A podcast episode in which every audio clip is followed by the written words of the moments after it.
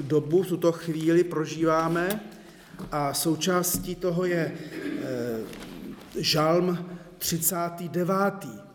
A tento žalm byl vybrán odborem pro vzdělávání, když, byla připravována, když byl připravován ten program 40 dní z Biblí. A žalm 39. patří mezi kající žalmy a zároveň velmi, velmi osobní, k čemu se taky ještě dostaneme.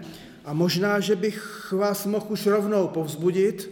Tento žalm nám umožňuje, abychom si před Pánem Bohem stýskali, naříkali, stěžovali, abychom Pánu Bohu řekli všechno, co v nás je a abychom dokonce se odvážili eh, nehrát eh, povinnou křesťanskou dokonalost a můžeme si dovolit být slabí před Bohem, dokonce i ustrašení.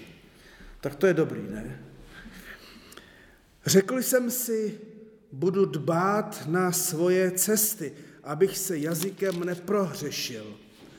Budu držet na úzdě svá ústa, dokud budu před sebou mít své volníka. Byl jsem sticha, mlčel jsem jak němý, ale nic se nezlepšilo. Má bolest se rozjitřila. Srdce pálilo mě v hrudi, v zneklidněné mysli mi plál oheň. Promluvil jsem svým jazykem takto. Hospodine, dej mi poznat, kdy přijde můj konec a kolik dnů je mi vyměřeno ať vím, kdy ze světa sejdu. Hle, jen napíť odměřil jsi mi dnů a jako nic je před tebou můj věk. Člověk je jen vánek pouhý, i kdyby stál pevně.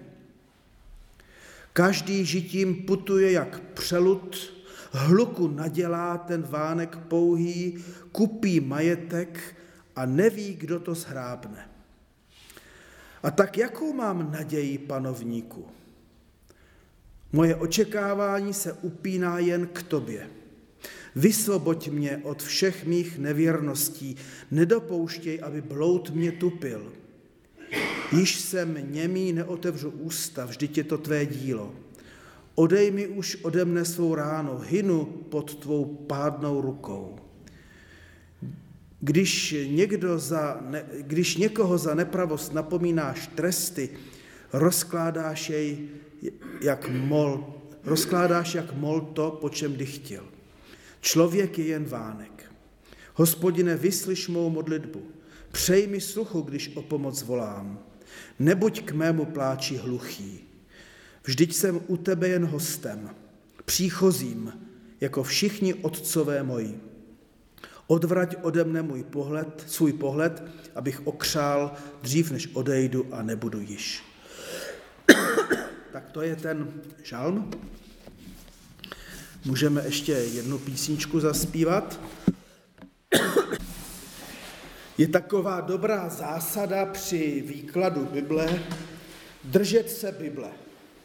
To sice zní hrozně jednoduše, ale myslím tím také držet se té struktury, toho textu, tak jak ten text byl, byl napsán. Takže i dnes to tak bude, že budeme postupovat od prvního verše až do konce, respektive budeme držet ty jednotlivé i odstavce. A máme před sebou samotný takový ten, ten úvod, je to spíš literárně technický, nebo jak to říci, eh, pro předního zpěváka pro jedutů na žalm Davidův.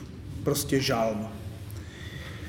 Eh, je to pro nás předvelikonoční žalm a je to žalospěv. To znamená, že eh, asi si ani nespomeneme, že by tam byla nějaká chvála na hospodina. Že by tam bylo nějaké nadšení z Pána Boha a ze spásy, ale je to naříkání a, je to, a jsou to prozby.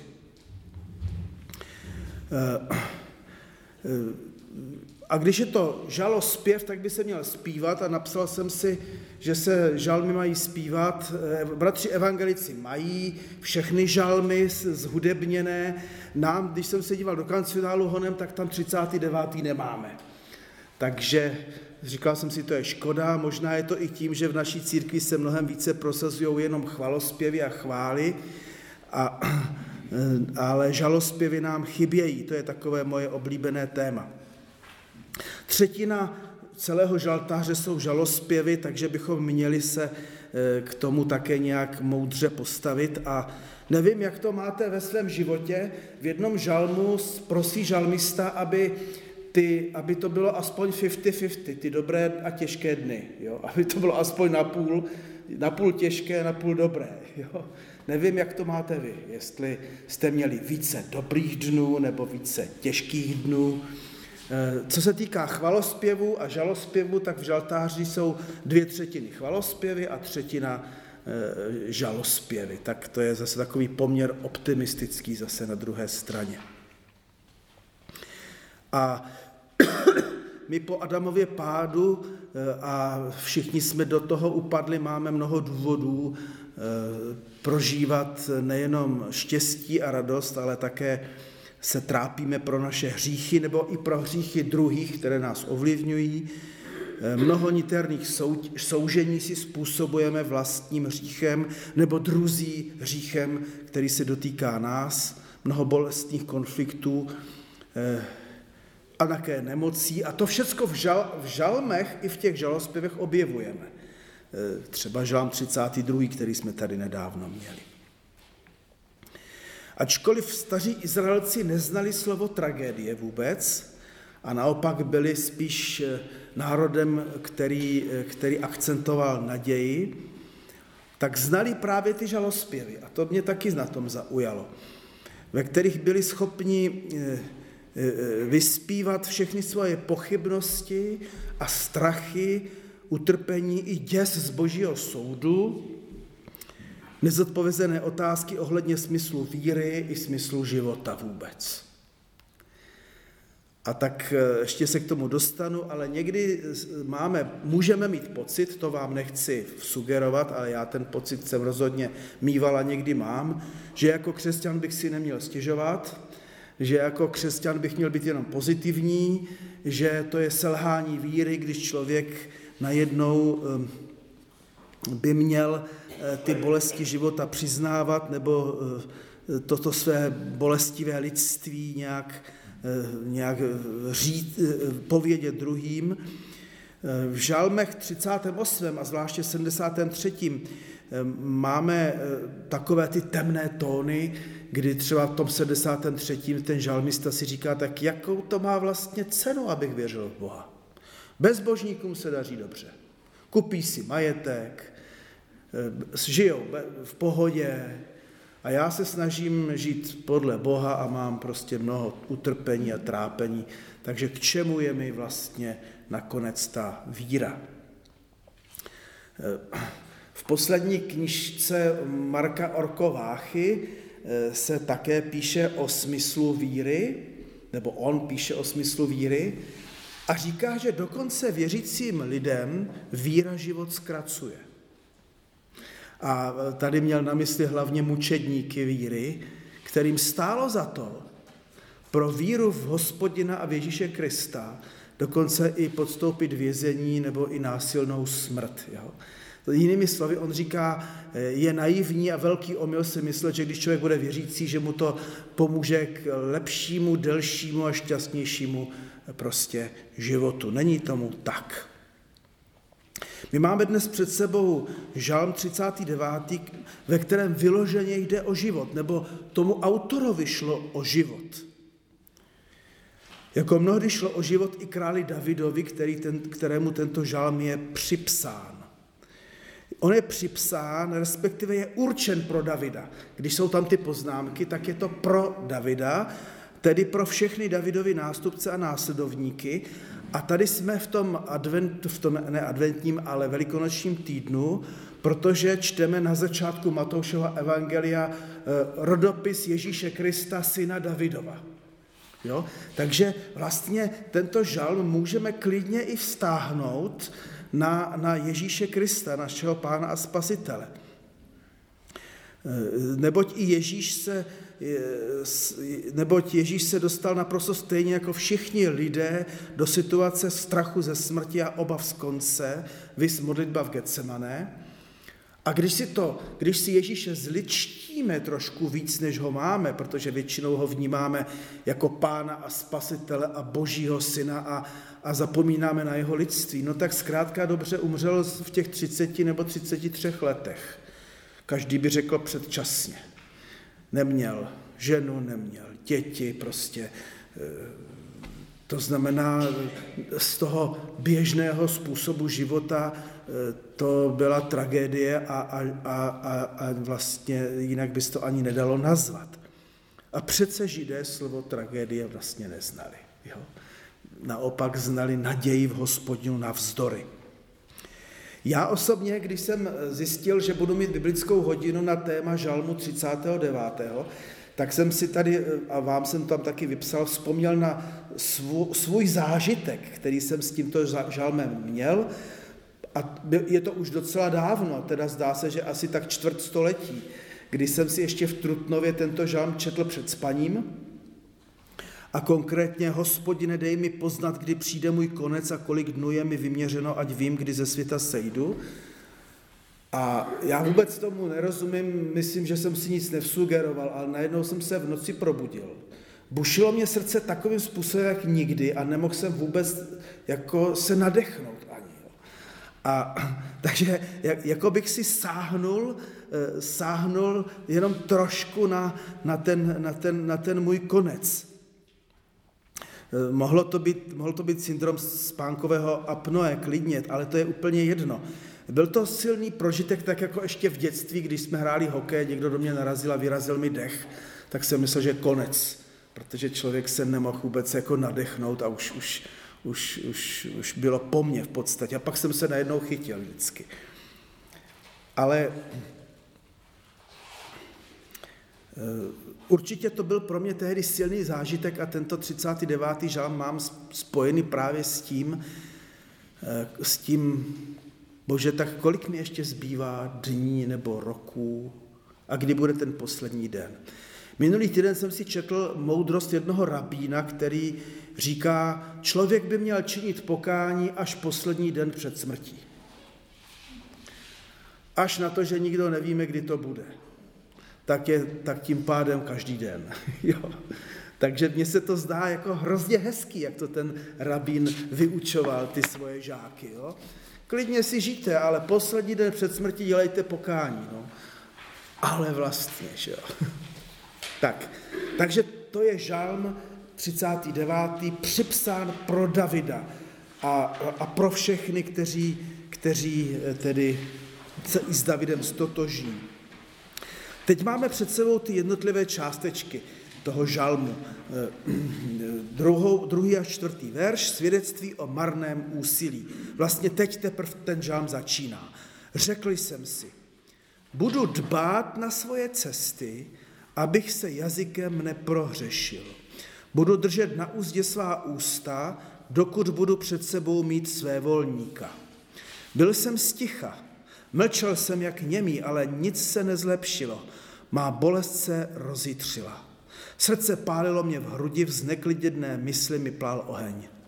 Promluvil jsem svým jazykem takto. Zbožný člověk, i když samozřejmě v mnohem chybující a, a vyděšený, se cítil sklíčený, rozbolavělý, zneklidněný. Myslím si, že kdybychom si i z tohoto žalmu vzali takovou dobrou pastorační radu a povzbuzení, tak by znělo takto. Jsme-li zbožní a snažící se žít dobré křesťanství, tak se taky nebojíme si přiznat, že máme mnoho, mnohé sklíčenosti a utrpení a, a nejistoty a zneklidněnosti. Není to krize víry, je to součást našeho života víry. Nevyčítejme si to. Jako si to nemusel vyčítat ani tento muž, který psal Žalm 39. Není řečeno, co bylo příčinou jeho utrpení, ale ze souvislosti to zřejmě byli jeho nepřátelé. Někdy stačí i jeden jediný člověk, který vám silně znepříjemňuje život, který vám dá najevo svoji nenávist nebo odpor nebo odmítnutí. Sice vás sto lidí miluje, ale ten jeden jediný dokáže eh, udělat ze života peklo. Tak možná, že i to mohl být případ žalmisty a, a čteme, jak to nemohl vyřešit. Jak, jak se snažil, ale nebyl z to vyřešit tento problém. Žal, žalmina žalmy a žalospěvy nás učí, že eh, všechna bolest musí z člověka ven, jako tomu bylo v případě žalmisty i trpícího Joba. Bylo dobře, když Jobovi přátelé za ním přišli, ale první týden mlčeli, ale stejně tak bylo dobře, že Job, když eh, s ním oni plakali s plačícím a, a tak dále, a najednou proklel den svého narození a najednou to z něho všecko začalo tryskat, celá ta bolest a ta, ta nejasnost a, a utrpení a, a on všechno prostě Pánu Bohu vyzvracel a postupně to bylo takhle náročné. Bolest musí z člověka výjít ven, fyzická i duševní. Těžko to proto mají, těžké to proto mají introverti, kteří to dusí v sobě. Eh, ale těžké to mývají i příliš zbožní lidé, zbožnější než spravedlivý Job nebo mnoho autorů žalmu, když se bojí, že by se rouhali, že by selhali ve víře, kdyby, kdyby naříkali nad svým osudem, kdyby odhalili svou slabost a malověrnost. Prostě nemusíme, nemusíme se stylizovat do silnějších, než jsme. Nebo aspoň silnějších, než byl žalmista, který napsal 39. žalm. Ale čteme tam, že se docela dlouho držel. Budu držet na úzdě svá ústa, dokud budu mít před sebou své volníka. On měl důvod se držet, protože zřejmě tím svévolníkem mohl být někdo, nebo zlovolníkem někdo jeho blízký, komu nemohl jen tak uniknout. A možná to znáte. Zdaleka ne každému můžete říct všechno a už vůbec ne každému, co vás trápí. Jsou lidé, kteří to utrpení ještě jsou schopni nějakým způsobem obrátit proti vám nebo nebo, nebo minimálně zlehčit, zironizovat a, a prostě jenom neporozumí a tak dále.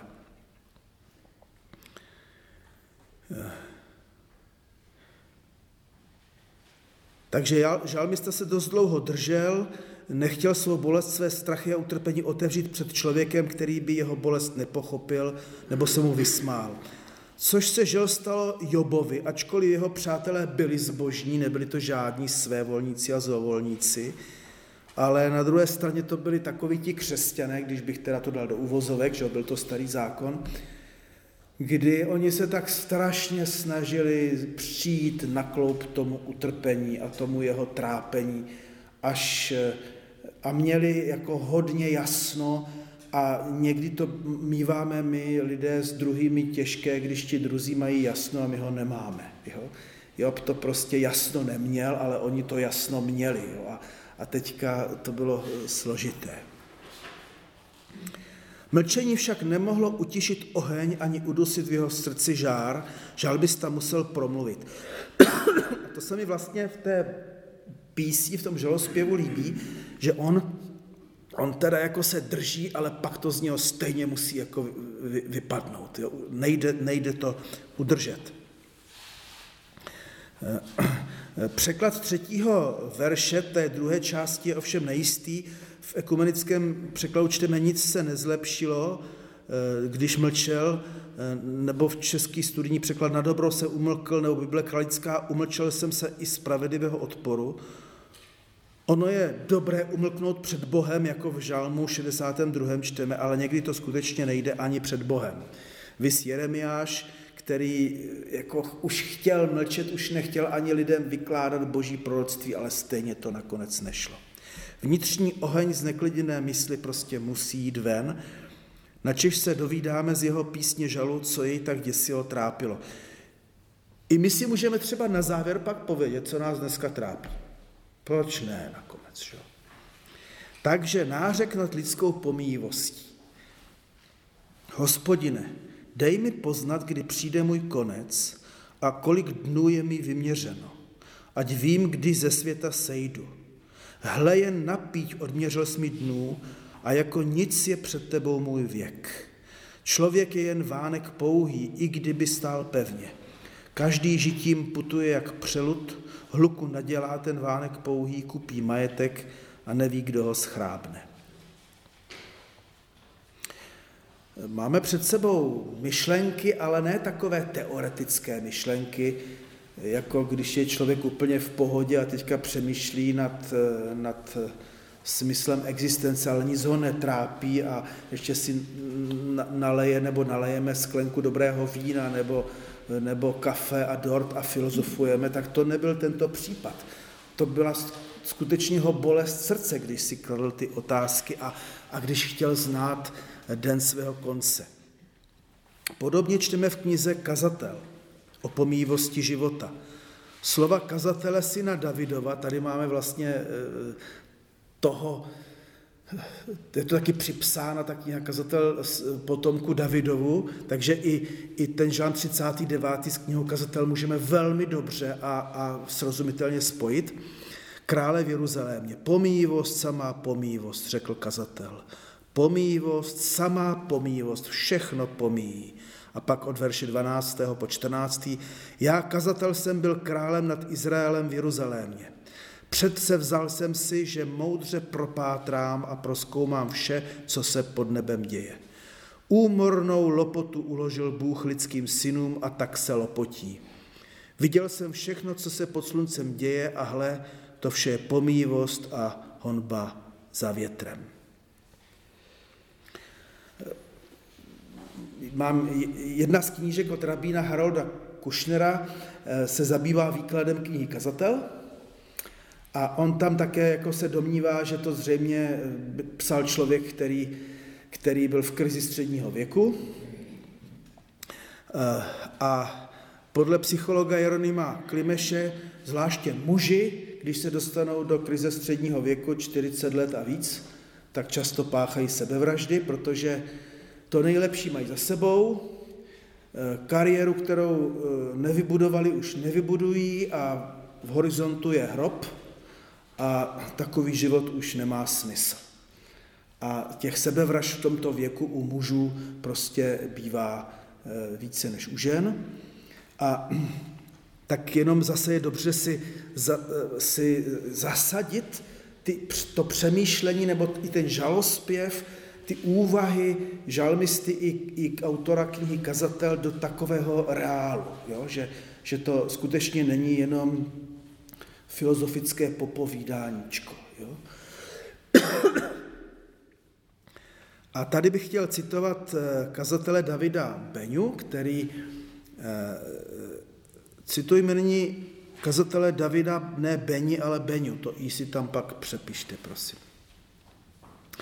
Žálm je vyladěn na pochybujícího člověka, který slovy boří smysl své vlastní existence.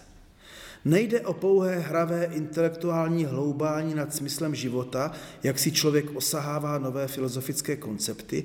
Žálm souzní s hlubokou skepsí nad marností života tváří v tvář smrti.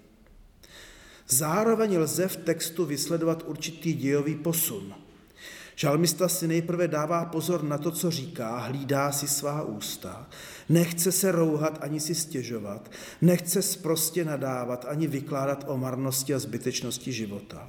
Možná proto, že zná sílu slov. Ví, že mají moc budovat i bořit nejen jeho život, ale mají dosah i na jeho okolí. Ze srdce se mu derou ven slova bořící a on je nechce vyřknout. Poliká je, cenzuruje, potlačuje, slova však nelze zadržet. Pálí ho uvnitř. Nakonec přeci jen vytrysknou na povrch. Žalmista jim dá volný průchod. Ze začátku ani neví, do jakých vod ho prout řeči unese. Ale když už jednou začne, nemůže přestat. Opravdu dospěje k temným závěrům, ne nepodobným rétorice z knihy Kazatel. Tak myslím, že kazatel David Beňa to zajímavě eh, popsal a, a, a vykreslil ten, ten stav duše žalmisty. Tam se píše, že jen napíť odměřil mě dnů, jako nic před tebou je můj věk. Někde se překládá na dlaň. Tady si můžeme vzpomenout na všechny ty eh, cigánky, co z dlaně se snaží, eh, snaží eh, jak si říct, jaký vás čeká osud, že jo? Jedna taková cigánka v Brně, když jsme čekali prvního syna, taky posledního, pak byla dcera, tak první dítě, tak, tak nás zastavila v Brně, že jo, a že, že nám jako řekne z dlaně, co, co to bude, aby jsme nechtěli a ona za náma křičela, bude to syn. A Jenčka říkala, to my už víme z ultrazvuku, že jo, takže. Ale eh, ta, ta píť, to byla nejmenší míra ve starém zákoně. Jo, takže eh, když se tady píše, eh, když se tady píše, hle, jen napíť odměřil smí dnů, tak Prostě je to ta nejmenší míra, kterou známe a tak se žalmistovi zdál jeho život. Jako mému dědečkovi uteklo to jako sen. Sen prostě rychlý a je to pryč. Že? Tak nepatrná je délka člověka. Je to skutečně vánek, raní mlha, která je zde a hned mizí. Je to ona pomývost, samá pomývost, to hebrejské hebel, což nám připomíná Ábela, a to je stejné jméno Ábel, a ten, který také eh, tak nápadně, tedy eh, rychle, brzo eh, odešel ze světa. Žalmista došel, došel skutečně ke stejnému závěru jako kazatel a všimněme si poznámky týkající se majetku. Člověk je jen vánek pouhý, i kdyby stál pevně, každým žitím putuje jako přelud, hluku nadělá ten vánek pouhý, kupí majetek a neví, kdo to zhrábne. Mě to hrozně zaujalo, že najednou ten žalmista do toho, do toho teologického, filozofického a bolestného přemýšlení ještě, ještě vrazí eh, ten majetek, který si my lidi nějakým způsobem schromažďujeme a, a, a, a máme a, a je pro nás důležitý, protože často to nejsou jenom peníze, ale mnohem více jsou to věci, které jsme třeba od někoho dostali, získali a má to souvislost s lidmi, že jo, ty, ty majetky, zvláště dědictví a tak dále, některé domy nebo já nevím co všechno. Ale to všechno je taky prostě pomývost, i když tomu člověk dá sebe větší váhu a hodnotu. A vlastně je to zase stejné jako u kazatele, když čteme z druhé kapitoly od 21. verše. Některý člověk se pachtí moudře, dovedně a prospěšně, ale musí svůj podíl předat člověku, který se s tím nepachtil. Také to je pomývost a prašpatná věc. Vždyť co má člověk z veškerého svého pachtění, z honičky za žádostmi svého srdce, z toho, jak se pod sluncem pachtí? Všechny jeho dny jsou samá bolest a jeho lopota je plná hoře. Jeho srdce mu nedá spát ani v noci, i to je pomývost. V tom žalmu 39. nakonec jsou ty, ty vnitřní žádosti také zmíněny.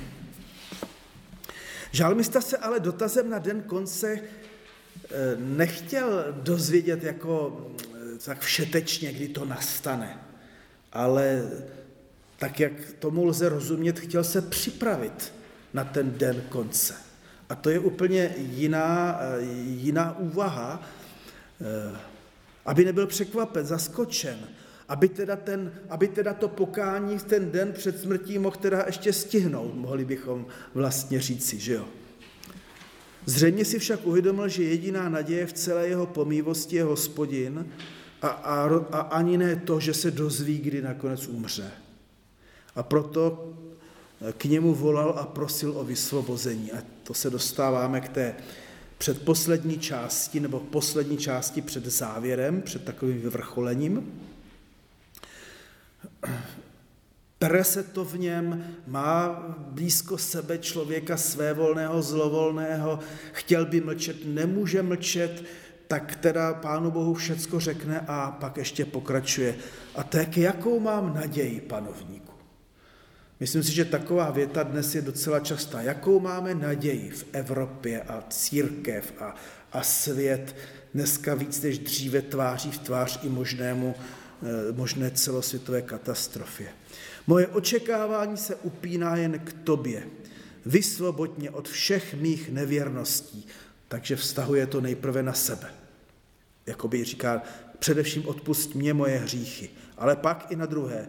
Nedopouštěj, aby bloud mě tupil. Již jsem němý, neotevřu ústa, že je to tvé dílo. Odej mi už ode mne svou ránu, hynu pod tou pádnou rukou.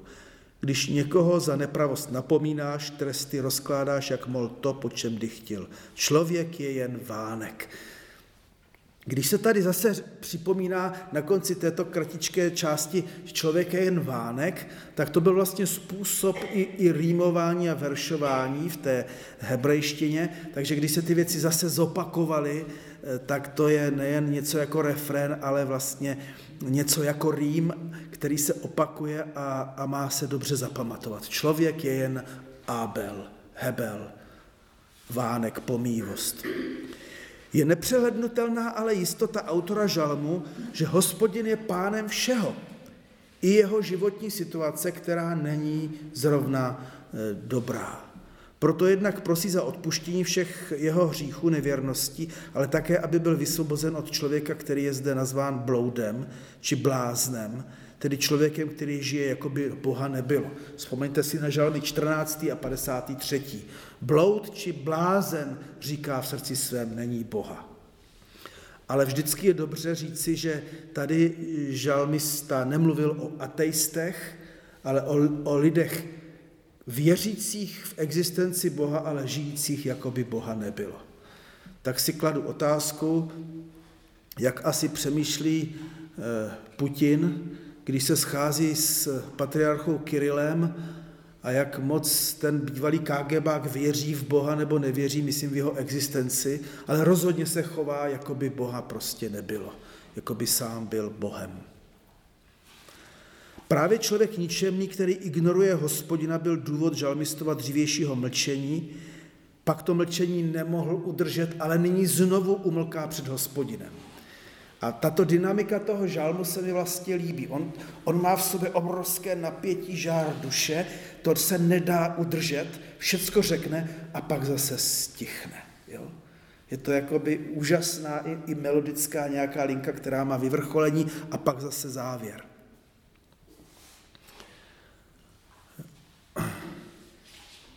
Uchyluje se k mlčení a tiše očekává na hospodina. Tam jsem nám vypsal žalmy 42. a 43., kde právě je, eh, eh, vlastně opakuje se to stejné, aby ta duše moje umlkla, stišila se před Pánem Bohem. Úvahy o smrti, která není teďka jenom taková teoretická, víme, že všichni jednou umřeme, ale najednou velmi reálná, nebo velmi reálné uvědomění smrti vedly k tomu, aby si uvědomil boží spravedlnost. Souzeny budou naše nepravosti, po nich jsme toužili, tady jsou ty touhy e, srdce. Budou rozloženy, jako když mol rozežere nějakou látku, anebo jako když my rozmázneme mola na stěně nebo, nebo v dlani. Jo? To je vlastně obraz i božího soudu. Což nám připomíná slova pána Ježíše, neukládejte si poklady na zemi, kde je ničí mol a res a kde je zloději vykopávají a kradou. Ukládejte si poklady v nebi, kde je neničí mol ani res a kde je zloději nevykopávají a nekradou. Neboť kde je tvůj poklad, tam bude i tvé srdce. No a na závěr v posledních dvou verších je taková žádost o ulehčení odchodu. Hospodine, vyslyš mou modlitbu, přej mi sluchu, když o pomoc volám, nebuď k mému pláči hluchý. Vždyť jsem u tebe jen hostem, příchozím, jako všichni otcové. Odvrať ode mne svůj pohled, abych okřál dřív, než odejdu a nebudu již. Tady je nepřehlednutelné, že on prosí, ať Bůh od něho odvrátí svůj pohled. Protože eh, protože ať už v Aronovském požehnání nebo v Žalmu 67. naopak jako e, e, projev toho dobrého, jak když Bůh na člověka jako pohlédne, jo? obrať tvář svou ke mně, že jo. Eh, ale tady, tady vlastně ten žalmista vnímá, že vlastně říká, pane Bože, ty soudče všeho světa raději mi dej vydechnout, abych nebyl pod tím tlakem, eh, tak silným tlakem toho, toho, toho tvého soudu, eh, který může rozmáznout toho mola i, i v mé duši. A na závěr výzva. A to je výzva, a tady znovu se vracím k citaci eh, kolegy kazatele Davida Pení, který pro nás připravil tento program. A je to možná výzva pěkně sformulovaná. Až uslyšíte člověka, kterému z nitra vytéká prout existenciálních pochybností, okořeněných hněvem, představte si, že jeho život prochází rekonstrukcí smyslu, smyslu života. Možná se z jeho úst zrovna teď derou na povrch slova, která dlouho pálila jeho nitro. Dopředu se připravte, že uslyšíte slova bořící, Vyhněte se jednotuchým a správným odpovědím a to ve víře, že je čas bořit i čas stavět. Tak, tolik tedy máme před, eh, za sebou čtení a rozvažování žalmu 39. v čase velikonočního týdne, kdy i na Ježíše Krista dolehly strachy ze smrti a, a umírání. Tak, to je všechno. Zaspíváme